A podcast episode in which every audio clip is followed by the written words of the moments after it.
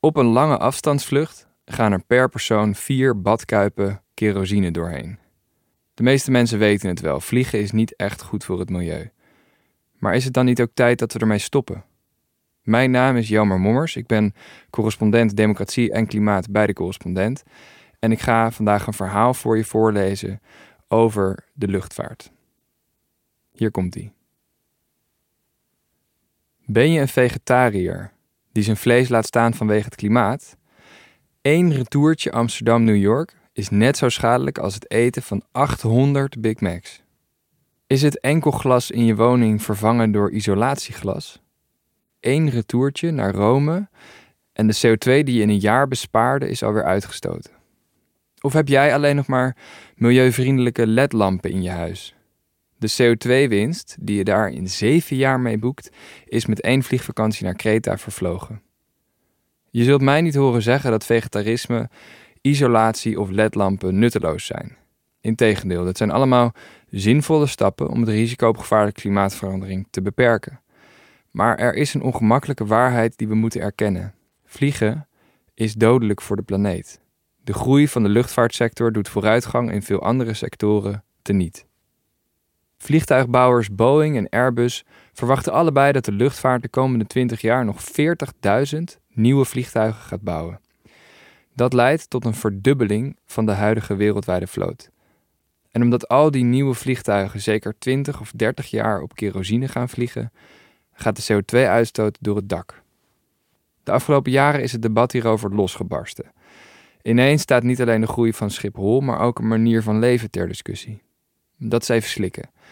Sinds het einde van de Tweede Wereldoorlog stond vliegen voor grenzen verleggen, mensen ontmoeten, ervaringen opdoen en nieuwe culturen leren kennen. We leerden dat de Amerikaanse schrijver Mark Twain gelijk had: reizen is dodelijk voor vooroordelen, intolerantie en kleingeestigheid. In de westerse wereld vloog tot nu toe bijna iedereen: vakantiegangers, zakenmensen, academici en de medewerkers van hulporganisaties. In het vliegtuig bladerden ze door dezelfde magazines en luisterden naar dezelfde omroepen uit de cockpit. Het was fantastisch. Het werd heel normaal, maar het kan niet langer. Als je de feiten over vliegen en klimaatverandering bekijkt, is er maar één conclusie. We moeten veel minder gaan vliegen om de planeet leefbaar te houden. Op het geheel van de wereldwijde CO2-uitstoot is het aandeel van de luchtvaart nu nog beperkt, 2,5 procent.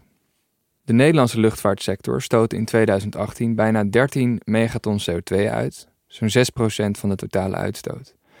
Maar de sector is met een opmars bezig en de Nederlandse luchtvaart zal, zonder beleidswijzigingen, in 2050 30 tot 40 procent meer CO2 uitstoten dan nu het geval is. Wereldwijd kan de uitstoot van de sector tegen die tijd zelfs verdriedubbeld zijn. De coronacrisis veroorzaakt slechts een tijdelijke dip. Naarmate meer lockdowns eindigen, weten vakantiegangers en zakenlui hun weg naar het vliegveld weer te vinden. Luchtvaartmaatschappijen verwachten over een paar jaar weer op pre-COVID-niveau te zitten. Daarna zet de mondiale groei naar verwachting door alsof er nooit corona is geweest. De reden daarvoor is simpel. Hoewel meer dan 80% van de wereldbevolking nog nooit heeft gevlogen, zullen veel mensen dat wel gaan doen zo gauw hun inkomen het toelaat. In 2022 wordt in China al meer gevlogen dan in de VS, tot nu toe de absolute vliegkampioen. In een scenario van business as usual zal de uitstoot van vliegtuigen tot 2050 met 400% stijgen ten opzichte van 2015. En dat maakt van deze sector een directe bedreiging voor het halen van de klimaatdoelen. Alleen als we het vliegverkeer beteugelen, maken we nog kans de opwarming onder de 2 graden Celsius te houden. Ga maar na, een Boeing 747. Die neemt voor een lange afstandsvlucht meer dan 190 ton kerosine mee. Met 410 passagiers aan boord zijn dat ongeveer 4 badkuipen vol per passagier. Het kost nu eenmaal ontzettend veel energie om een metalen bak met mensen en koffers erin de lucht in te krijgen. En als het vliegtuig tijdens een lange vlucht bijna al die brandstof verbrandt, dan veroorzaakt het daarmee 530 ton CO2-uitstoot. Dat is bijna 2,5 keer het gewicht van het vliegtuig, achtergelaten in de dampkring. Die strepen die vliegtuigen tekenen, dat is bevroren condens. Voor elk molecuul water blijft er ook één molecuul CO2 achter. Maar die zie je niet. En daar komt nog een ongemakkelijke waarheid bij. Vliegen draagt niet alleen door CO2 bij aan de verandering van het klimaat. Ook de uitstoot van, hou je vast, stikstofoxide, waterdamp en aerosolen verandert de samenstelling van de atmosfeer. Die vliegtuigstrepen waar ik het net over had, hebben een direct effect op het klimaat en kunnen ook indirect zorgen voor wolkvorming. En netto zorgen al deze effecten samen voor meer opwarming, vermoedelijk tot wel twee keer het effect van die CO2, dat broeikasgas, alleen. En dan heb ik het nog niet gehad over ultrafijnstof, geluidsoverlast en natuurschade door stikstofuitstoot. Nog meer kostenposten die de maatschappij moet dragen, bijvoorbeeld als er mensen ziek van worden, maar die net als de CO2-uitstoot niet in de prijs van een ticket zitten. Kan de techniek ons dan niet redden? Is elektrisch vliegen niet het verlossende antwoord? Ja, nou, kleine vliegtuigjes die kunnen inderdaad inmiddels op een batterij vliegen. Maar elektrische passagiersvliegtuigen die de oceaan overvliegen, dat zal nog tientallen jaren duren, want batterijen zijn gewoon nog niet goed genoeg. Vliegen op brandstoffen die uit groene elektriciteit gemaakt worden, bijvoorbeeld waterstof of synthetische kerosine, dat is wel haalbaar, maar nog heel duur. Bovendien zijn deze brandstoffen pas een verbetering als we een overschot aan groene stroom hebben en zover is het nog niet. De luchtvaartsector zelf is van plan om massaal op biobrandstoffen over te gaan. Dat betekent concreet dat schaarse landbouwgrond gebruikt gaat worden om gewassen te verbouwen die dan na omzetting in vliegtuigen opgebrand worden. Omdat er nu al te weinig grond is om zulke gewassen te verbouwen, zal de extra vraag ten koste gaan van tropisch regenwoud. Indirect vliegen we dan ten koste van het laatste ongerepte bos op aarde. En compensatie door het bijplanten van nieuwe bomen? Ook dat is onvoldoende. Zelfs als je een goed compensatieproject uitkiest, de aanbieder van je vlucht doet dat meestal niet, dan zal het nog decennia duren voordat de CO2 van jouw vlucht weer door nieuwe bomen is vastgelegd. Je uitstoot tienvoudig compenseren is al beter, maar zelfs dan maakt compensatie de negatieve impact op de korte termijn en van uitstoot anders dan CO2 niet ongedaan. Het spijt me. Ook als je hoopt op een technologische doorbraak, moet ik je teleurstellen. Zolang vervuiling vrijwel gratis is, daarover zo meer, heeft de luchtvaart geen enkele prikkel om in radicale innovatie te investeren. De sector praat graag over de toegenomen efficiëntie van vliegtuigen, maar groeit tegelijkertijd zo hard dat elke uitgespaarde druppel kerosine alsnog wordt verbrand. Ik vertel je dit allemaal niet om je te deprimeren, maar omdat ik geloof dat we onszelf niet voor de gek moeten houden. Duurzaam vliegen bestaat niet. Klimaatbeleid voor de luchtvaart bestond tot voor kort niet eens, omdat de sector al decennia lang een uitzonderingspositie heeft. In Nederland is de luchtvaart heilig en wordt de hubfunctie van Schiphol gelijkgesteld met welvaart. De topmannen van KLM en Schiphol maken ons wijs dat het slecht is voor Nederland als Schiphol zou moeten krimpen. Dat is onzin. Wat nadelig is voor Schiphol is niet per definitie slecht voor Nederland, maar het wordt geloofd. Het verklaart waarom de VVD Schiphol wil laten doorgroeien waarom de zelfverklaarde groene partij D66 in 2019 nog vroeg om onderzoek naar een vliegveld op zee en waarom, toen de coronacrisis uitbrak, de minister van Financiën zonder enig voorbehoud KLM beloofde te redden, koste wat kost. Het feit dat er geen belasting wordt geheven op brandstoffen voor internationale vluchten is een andere illustratie van de uitzonderingspositie van de luchtvaart. Deze vrijstelling kost de Nederlandse schatkist zo'n 2,4 miljard per jaar. Zo krijgt de luchtvaart vrijbrief na vrijbrief om te blijven doen wat ze doet. De sector werd ook bewust buiten de beleidsplannen gehouden die landen in 2016 opstelden in het kader van het Klimaatakkoord van Parijs. Bij de luchtvaartorganisatie van de VN is in datzelfde jaar wel besloten dat vliegtuigmaatschappijen een deel van hun CO2 gaan compenseren. Het uitstootniveau van alle vliegtuigen samen in 2019 werd gekozen als referentiepunt en de CO2-uitstoot die daar bovenop komt, wordt vanaf 2027 verplicht gecompenseerd. Dit plan wordt verkocht als carbon neutral growth. Maar is natuurlijk niets neutraals aan zolang alle uitstoot tot het niveau van 2019 buiten beschouwing blijft. Vergelijk het met een loesje huisbaas die nu 10 brandgevaarlijke appartementen verhuurt, maar het 11e in 2027 wil laten opknappen. Zo'n plan zouden we ook niet snel neutraal noemen. Bovendien werkt compensatie op de internationale markt tot nu toe nauwelijks.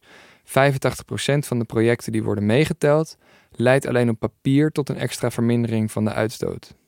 Kortom, de vrome compensatieplannen van de luchtvaart maken vliegen absoluut niet schoon. Pas recent is het begin van een kentering zichtbaar.